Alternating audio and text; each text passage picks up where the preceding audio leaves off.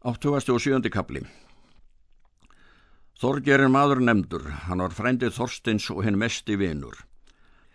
Hann bjóði þennan tíma á Áltanessi. Þorger var vanur að hafa haustu bóð hvert haust. Þorger fór til fundar við Þorstin Egilson og bauð honum til sín. Þorstin hétt ferðinni og fór Þorger heim. En að ákveðnum degi bjóst Þorstin til farar og voru þá fjórar vikur til vedrar. Með Þorstinni fór austmaður hans og húskarlar hans tveir. Grímur hétt sonur Þorstins. Hann var þá tíu vetra og fór og með Þorstinni og voru þeir fimm saman og reyðu út til foss og þar yfir langá og síðan út sem leilá til örriða ár. En fyrir auðtana ána var steinar á verki og önundur og húskarlar þeirra. Og er þeir kendur Þorstin þá hljópu þeir til vopna sinna og síðan eftir þeim Þorstinni og er þeir Þorstinn sáu eftir fyrr steinars þá reyðu þeir út af langaholti. Þar er holl einn hár og óvíður. Þar stíga þeir Þorstinn að festum og sækja upp á hólinn. Þorstinn meldi að Svetnin Grímur skildi fara í skógin og verða í viðstattur fundin. Og þegar er þeir steinar komað holnum þá sækja þeir að þeim Þorstinni og var þar bardagi.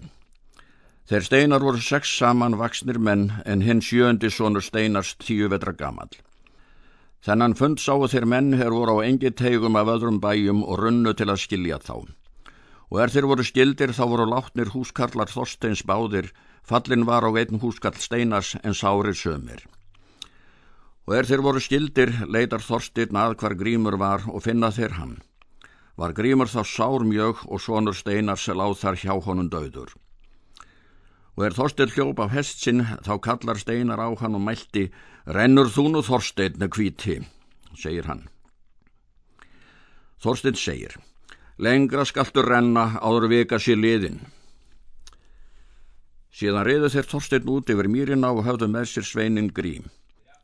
Og er þeir koma út í holt það er þar verður þá andaðið svitnin og grófu þeir hann þar í holtið og er það kallað grímsholt en þar heitir orðstúkfoll sem þeir börðust. Þorstein reið á Altanesum kveldið sem hann hafði ætlað og satt þar að bóði þrjá nætur en síðan bjóst hann til heimferðar. Menn buðust til að fara með honum en hann vildi eigi. Reiðu þeir tveir saman. Og þann sama dag er Steinar vissu von að Þorstein myndi heimriða þá reið Steinar út með sjó. Og er hann kom á mela þá er verða fyrir neðan lambastadi þá settist hann þar á meilin. Hann hafði sverð það er skrýmir hétt allra vopna best. Hann stóð þar á melnu með sverðið brugðið og horfið þá eigi einn veg því að hann sá þá reið Þorsteins utanum sandin. Lambi bjó á lambastöðum og sá hvað steinar hafði stað. Hann gekk heimann og ofan á bakkan og er hann koma steinari þá greip hann aftan undir hendur honum. Steinari vildi slíta hann af sér. Lambi helt fast og fara þeir nú að melnum á sléttuna en þá ríða þeir Þorstein hér neðra göttuna. Steinar hefði riði stóðhesti sínum og hljóp hann inn með sjó. Það sáu þeir Þorstein og undröðust því að þeir höfðu ekki varir orðið við för Steinars. Þá þveraðist Steinar fram á bakkan því að hann sá eigi að Þorstein hefði umriðið. Og er þeir komu á bakkan framannverðan þá hratti lambi honum fyrir melin ofan en það varaðist Steinar ekki rasaði ofan á sandin en lambi hljóp heim. Og er steinar komst á fætur þá rann hann eftir lamba, en er lambi kom að dyrum þá hljóp hann inn en rak aftur hörðina. Steinar hjó eftir honum svo að sverði stóð fast í vindskeiðunum. Stildu þeir þar. Gekk Steinar heim.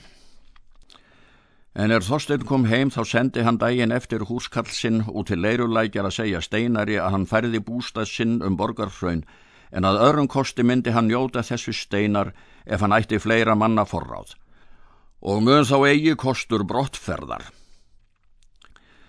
En steinar bjó ferð sína út á Snæfellströnd og þar setti hann bú saman er heitir að elliða og líkur þar viðskiptum þeirra Þorsteins Eilssonar. Þorgir Blundur bjóð ánabrekku. Hann veitti Þorstinni illar búsifjar í öllu tví er hann mátti. Það var eitt sinn er þeir hittust Egil og Þorstinn að þeir rættum margt um Þorgir Blund frendast sinn og koma allar ræður ásamt með þeim. Þá hvað Egil. Spanað egu jörð með orðum endr, steiniri og hendi egu þóttumkt þá, orka arfa gerst til þarfar mér ber ásk, minnar systur mögur hetum egu þá fögru, mátti böls og bindask blundur eg slikt of undrumk.